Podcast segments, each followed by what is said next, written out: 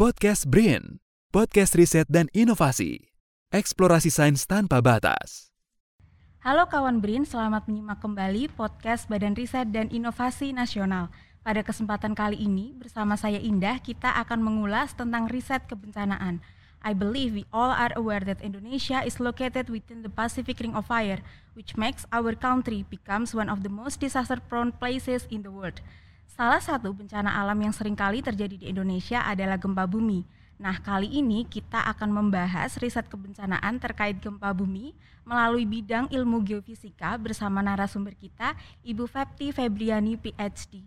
Halo Ibu, apa kabar? Baik Mbak, Mbak Indah gimana kabarnya? Baik Ibu, Alhamdulillah senang sekali Ibu bisa bergabung dengan kita hari ini. Nah, kawan BRIN sebagai seorang perempuan periset, Ibu Fepti Febriani telah menggeluti bidang ilmu geofisika sejak menempuh S1 di Universitas Gajah Mada hingga S2 dan S3 di Chiba University Jepang. Tentu kiprah beliau di dunia riset akan sangat panjang jika dibacakan satu persatu, termasuk saat beliau menjadi investigator utama dalam beberapa riset strategi saat berkarir di Pusat Penelitian Fisika Lembaga Ilmu Pengetahuan Indonesia.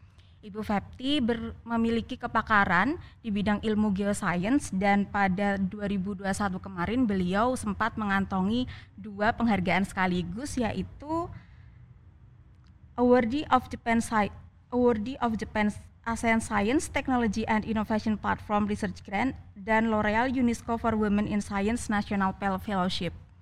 Selamat ya Ibu atas penghargaan yang diraih.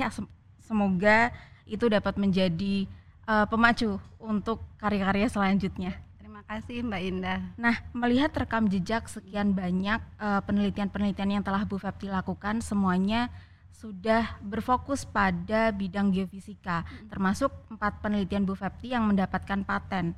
Nah, Bu Fepti, saya mau tahu dong kenapa sih memilih bidang ilmu geofisika? Uh, ya, awal cerita mengapa memilih bidang geofisika itu karena kan saya dari Bengkulu ya, saya dari Bengkulu, kemudian saya punya cita-cita sekolah di luar Jawa. Nah, waktu itu saya keterima PMDK waktu zaman saya zaman 2000-an yaitu kan PMDK. Nah, keterimanya itu di uh, Geofisika UGM. Nah, satu-satunya yang keterima di luar Jawa hanya di UGM jadi diambillah geofisika. Oh, jadi sebenarnya karena itu ya, ya, ya, karena itu kesempatan itu Mbak Indah. Oke, lalu itu sudah langsung ke majoritinya ke gempa bumi, Bu? Uh, belum. Awal-awalnya kan kita masih umum ya, kita belajar semua terkait dengan bidang geofisika baik untuk eksplorasi maupun untuk kebencanaan. Jadi mulai fokus dengan kebencanaan itu pas skripsi. Pas skripsi.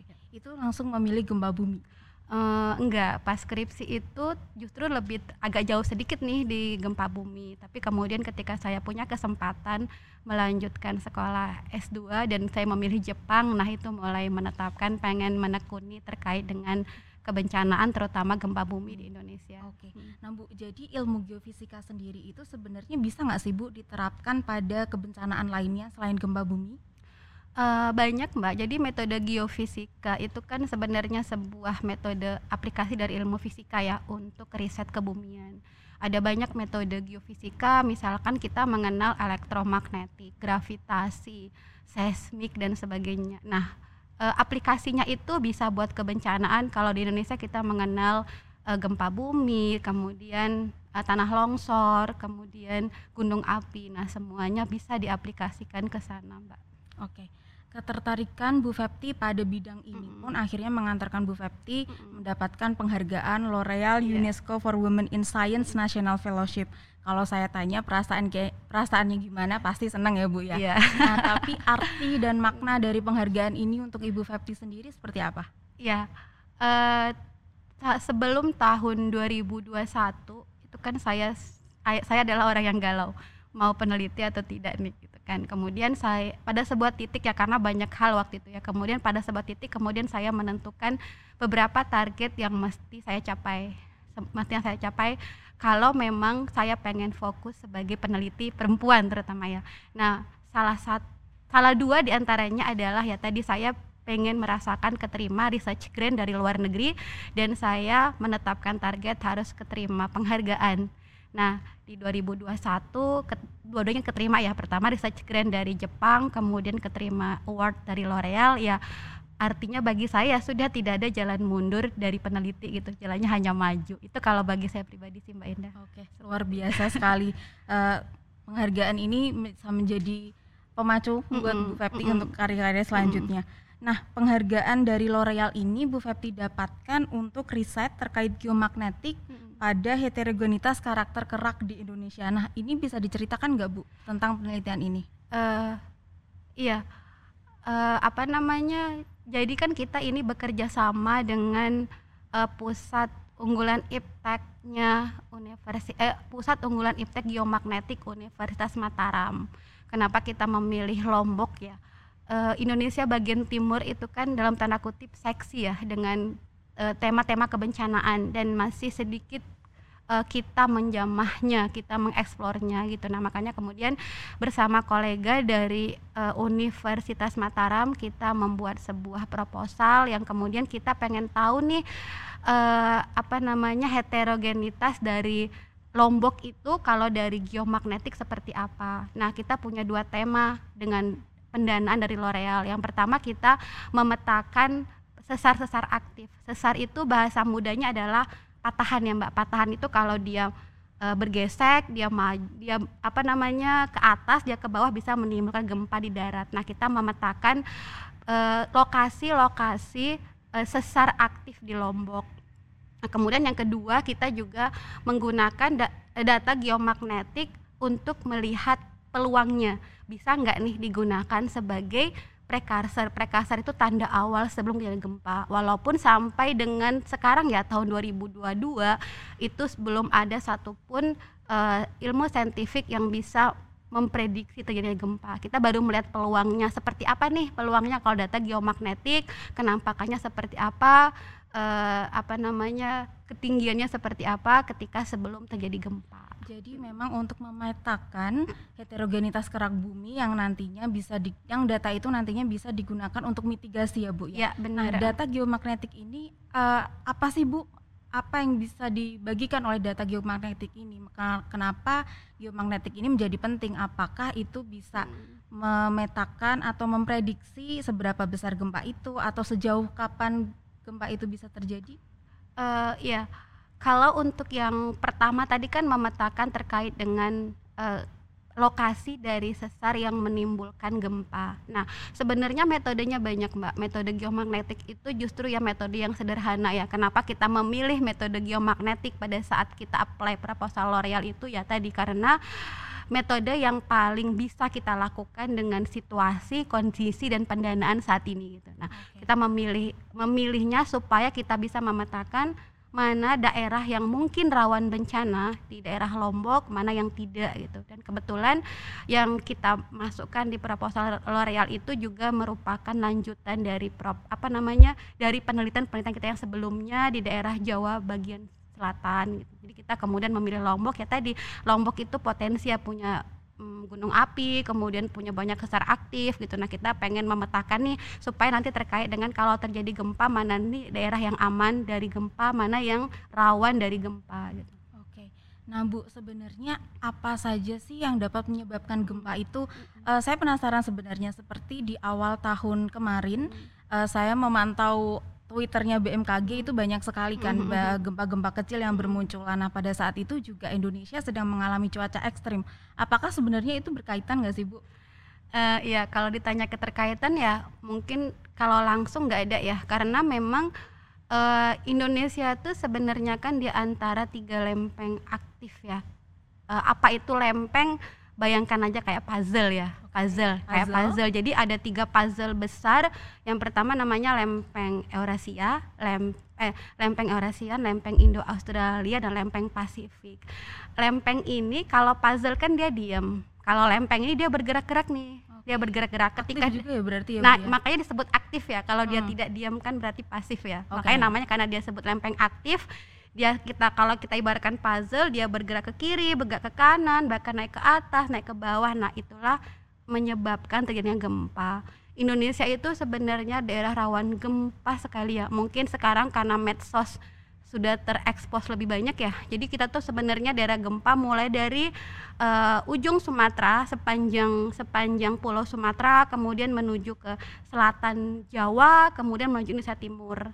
Itu gempa semua. Yang paling safe mungkin sebagian kecil Pulau Kalimantan. Nah, sepanjang itu adalah gempa. Nah, uh, jadi memang awarenessnya yang harus ditingkatkan ya. Kita tuh emang daerah yang rawan-rawan gempa bisa terjadi setiap waktu kapan saja dengan kekuatan yang kita tidak bisa prediksi.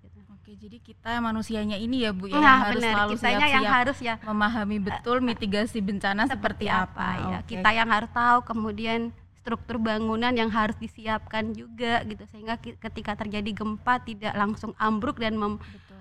eh, dan memakan korban jiwa. Sebenarnya ya Mbak, gempa itu tidak eh, apa namanya yang paling penting adalah bagaimana kita menyiapkan awareness dari orang-orangnya, dari masyarakatnya dan awareness dari lingkungan termasuk dengan eh, tempat tinggal gitu. Saya punya pengalaman ya gempa 2011 di Jepang Iya. itu kan gempa terbesar di sepanjang sejarah dunia ya 9,1 di Tohoku kemudian dia menyebabkan kerusakan eh, PLTN di Tohoku ya saya tinggal di Chiba itu saya tinggal di apartemen yang usianya sudah sekitar 30 tahun dengan gempa segitu dan ketika di Jepang itu eh, ketika di Chiba pada saat gempa 9,1 itu kita cukup merasa kuat apartemen saya tidak jat, tidak kolaps gitu Masih ya Bu, Ya, masih. makanya itu yang perlu mungkin ya Mas tidak kolaps, tidak kolaps ya. Jadi Luar yang biasa. ini mungkin ya yang perlu kita tingkatkan awareness bagaimana gedung-gedung dipersiapkan, bagaimana eh, masyarakat tahu gempa itu seperti apa gitu. bisa menjadi referensi untuk kita ya, Bu Ya. ya saat mendirikan bangunan seperti Ya, agar benar. bangunan itu bukan malah menjadikan Eh. kita korban tapi dapat melindungi kita. Nah, satu lagi pas gempa yang tahun 2022 ya, bulan Januari ya, itu kan juga ada gempa Banten tuh. Saya cukup shock ya ketika saya di lantai dua sama mahasiswa saya, gempa itu cukup keras ya karena sekitar 6, sekian gitu dan ketika saya kan eh, refleks ya karena di Jepang beberapa kali ikut eh, earthquake drilling, apa latihan evakuasi gempa, refleks kalau ada gempa sembunyi di bawah Meja. kursi di bawah meja gitu ya saya sama mahasiswa saya refleks di bawah meja pas saya keluar dari gedung gitu ternyata saya paling orang terakhir keluar. Soal eh, justru pada saat goncangan-goncangan kuat itu teman-teman segera keluar turun tangga padahal itu bahaya gitu. Oh, padahal itu bahaya. Jadi kalau gempanya sudah kuat banget ya usahakan dulu kita lindung di bawah meja gitu ya. Ketika sudah selesai sudah cukup bisa buat berjalan dan turun ya kita baru mulai turun ke tangga darurat dan keluar dari gedung. Jadi itu bisa jadi catatan Hmm. untuk seluruh kawan BRIN yang menyimak ya Bu ya. Nah Bu, eh, dari tadi Bu Fepti menyebutkan eh, meneliti di Lombok. Mm-mm. Selain di Lombok, ada Mm-mm. wilayah-wilayah Indonesia lain nggak Bu yang sudah sempat diteliti heterogenitas kerak buminya? Eh, iya, Eh, kan saya di dulu namanya Pusat Riset Fisika ya. Saya bergabung di Keltian kelompok penelitian fisika sistem kompleks bersama teman-teman yang lain juga. Kita tidak hanya menggunakan metode geomagnetik, tapi juga menggunakan metode seismik ya oleh kolega di sana, Dr. Titik sama Dr. Syuhada. Nah, kita meneliti eh, Jawa bagian selatan, kemudian Sumatera, khususnya Pulau Nias. Eh, sekarang tahun ini saya lagi mengerjakan dengan pinjaman data daerah di Atambua. Dari sekian banyak eh, wilayah-wilayah Mm. tersebut, yang paling unik heterogenitas keraknya di mana Bu? Eh, kayaknya semuanya unik deh mulai dari Sumatera sampai ke Ba- sampai ke Indonesia bagian timur Oke. semuanya unik dengan karakternya masing-masing ya. Menarik ya Bu ya karena seperti selama ini yang lebih sering kita keluarkan tentang Indonesia misalnya bagian alamnya adalah keragaman flora dan fauna. Ternyata Indonesia juga lebih jauh lagi Mm-mm. memiliki keragaman di kerak buminya. Luar biasa sekali. Nah, sekian tahun Ibu menjadi seorang perempuan periset. Sudah berapa tahun Ibu? Eh, saya jadi saya Sudah masuk LIPI itu ya, 2006 ya. Tahun 2006. 2006 pulang sekolah 2014 ya. Berarti mungkin kalau mau dihitung sebagai peneliti 2014 2022 ya kali mungkin sekitar 8 tahunan ya. Oke. Nah, saya mau tahu dong Bu, bisa dibagi ke seluruh kawan BRIN sukanya apa, susahnya di mana? Sebagai seorang perempuan apalagi? Iya. Sukanya eh, banyak ya, sukanya banyak. Eh, kita bisa me- men- apa namanya mengimprove, kita bisa meningkatkan pengetahuan diri kita sendiri, kemudian punya kesempatan bertemu eh, orang-orang yang pintar gitu ya, punya kesempatan sekolah gitu ya. Itu itu sukanya. Kemudian kita bisa ketemu dan bertukar pikiran dengan banyak orang gitu ya. Itu mungkin sukanya ya. Kalau dukanya, Susahnya. kalau dukanya apa ya? Eh, mungkin awal-awal ketika anak-anak masih kecil ya, ketika anak-anak masih kecil bagaimana harus membagi waktu. Tapi saya tidak memandang sebagai sebuah duka ya, challenging aja gitu ya, Tantangan. challenging tantangan gitu ya. Anak-anak masih kecil harus sekolah, kemudian eh, membagi mereka, meninggalkan mereka di daycare dan sebagainya itu mungkin ya challengingnya. Kalau duka mungkin yang kita sebut duka lah ya, challenge tantangan ya. Bu, saya kayaknya pernah dengar di salah satu seminarnya Bu Fepti Mm. kalau perempuan periset di bidang ilmu geofisika ini masih sedikit ya Bu ya. Mm-mm. Coba dong Bu, mungkin bisa dibagi kepada teman-teman di luar sana perempuan apalagi siapa tahu kenapa tertarik untuk menggeluti bidang ini. Eh, sebenarnya ya total preset baik laki-laki atau perempuan yang di bidang geosains itu banyak ya mbak banyak banyak ya tapi mungkin jumlahnya menjadi minoritas kalau berbicara perisetnya adalah perempuan gitu ya Eh, menurut saya sih sebenarnya bisa eh, sangat terbuka lebar ya bagi perempuan Indonesia juga untuk mengambil eh, apa namanya kompetensi sebagai geoscientist ya. Apalagi misalkan kemudian dikombinasikan dengan eh, apa namanya komputasinya geoscientist. Itu kan fleksibel ya bagi perempuan bisa mengerjakan di rumah misalkan tidak perlu di lapangan. Oh ya mbak saya eh, saya jarang walaupun saya ngambil geoscientist sebenarnya saya lebih fokus ke bagaimana eh, komputasinya terkait dengan geoscientist. Jadi saya banyak di belakang layar gitu mengolah data kemudian modelingin data bikin program gitu-gitu. Nah itu lebih fleksibel bagi seorang perempuan yang memilih eh, sebagai bidang oh, memilih bidang geoscientist. Karena kan bisa di mana aja ya mengerjakan terkait program modeling kemudian eh, mengolah data interpretasi. Itu kan kita membutuhkan workstation dan laptop ya Jadi akan lebih fleksibel ya Bu ya Mm-mm. jadinya eh, sebagai seorang perempuan Mm-mm. yang juga sudah berumah tangga Mm-mm. memiliki anak itu juga bisa bagi waktunya jadi Mm-mm. bisa lebih Iya. disiasati ya Bu ya. Iya, tapi bisa juga sih misalkan ya periset perempuannya suka tantangan, kemudian suka kegiatan alam, kegiatan lapangan, ya bisa aja ngambil terkait dengan geofisika untuk eksplorasi gitu yang sering ke lapangan gitu bisa aja mbak. Tinggal bagaimana minatnya ya gitu. Dan gimana mereka mau mengeksplorasi ya benar bidang ilmu seperti geofisika itu. ini. Nah, saya juga pernah membaca tentang eh, wawancara Mm. Bu Fepti bahwa salah satu kunci kesuksesan Bu Fepti adalah jangan baperan. Tadi sempat galau ketika Iya, iya. memutuskan untuk jadi peneliti Ah, atau iya. tidak peneliti. Nah, ah, ah. kalau untuk yang baperan ini mungkin bisa dibagi nih Bu untuk seluruh kawan Eh. Brin yang menyimak. Siapa tahu bisa menambah semangat saat menghadapi mimpinya. Ya, eh, itu sebenarnya pengalaman eh, mengapa saya sebut itu ya Mbak karena saya kan sejak S1, S2, S3 itu adalah sampai sekarang ya kaum minoritas gitu. Tapi nggak memandang itu sebagai kaum minoritas ya. Eh, mengapa jangan baperan kan karena kan kadang kita para perempuan itu kan cenderung cenderung ketika men- mengolah sebuah informasi itu lebih proporsinya lebih banyak ke hati dibanding logika. Nah, kalau menurut saya sih ketika kita memang ingin berkecimpung dalam bidang apa pun ya, bidang apa pun gitu. Eh, ya, kita perbesar porsi logikanya daripada pro- ap- daripada propo- eh, porsi masuk ke hatinya gitu. Karena itu yang membuat kita akan eh, tidak tidak terlalu menganggap orang tidak suka sama kita, tidak terlalu menganggap orang mengunderestimate kemampuan kita. Jadi banyak hal yang bisa kita sikapi secara positif gitu loh. Jadi tidak melulu omongan orang kita eh, porsinya masuk ke hati nih daripada ke logika. Itu sih maksudnya. Jadinya nanti malah menghambat Mm-mm, ya ya. menghambat dikit-dikit. Nanti kita "Ya, orang ini ngapain sih? Gitu. Kok mandang aku seperti itu? Kok ngomongnya seperti itu? Kadang kan gitu ya mbak. Nah itu mungkin waktu itu kan eh, itu yang perlu saya pelajari yang saya ini ya saya pelajari dari kaum bapak-bapak ya. Bapak-bapak itu kan cenderung logikanya diban- logikanya lebih terdepan dibanding perasaannya. Nah mungkin itu yang kita sedikit demi sedikit eh, tanpa meninggalkan naluri sebagai perempuan ketika dalam ekspresi dalam ruang kerja ya tadi proporsi di logikanya lebih diperbanyak dibandingkan eh, proporsi di eh, daripada porsi masuk ke hatinya gitu. Oke, jadi itu mungkin bisa jadi catatan untuk seluruh kawan Brin jangan baperan. Kalau baperan yang ad- eh, yang sedang-sedang saja seperti itu ya Bu ya. Eh, nah, tidak terasa nih Bu Iya. obrolan kita harus kita akhiri karena dibatasi oleh durasi. Mm. Terima kasih sekali Bu Fepti telah bersedia hadir dan membagikan banyak sekali ilmu baru, pengetahuan baru, insight, motivasi dan inspirasi yang luar biasa. Ya, terima kasih juga Mbak Indah untuk undangannya ya dan kesempatannya berbagi di sini ya. kawan Brin, demikian obrolan kita dengan Ibu Fepti Febriani pada podcast kali ini. Semoga podcast Brin kali ini dapat memberikan ilmu dan insight baru untuk seluruh kawan Brin yang menyimak. Saya Indah undur diri, nantikan terus episode-episode selanjutnya podcast Badan Riset dan Inovasi Nasional. Salam eksplorasi sains tanpa batas. Podcast BRIN, podcast riset dan inovasi. Eksplorasi sains tanpa batas.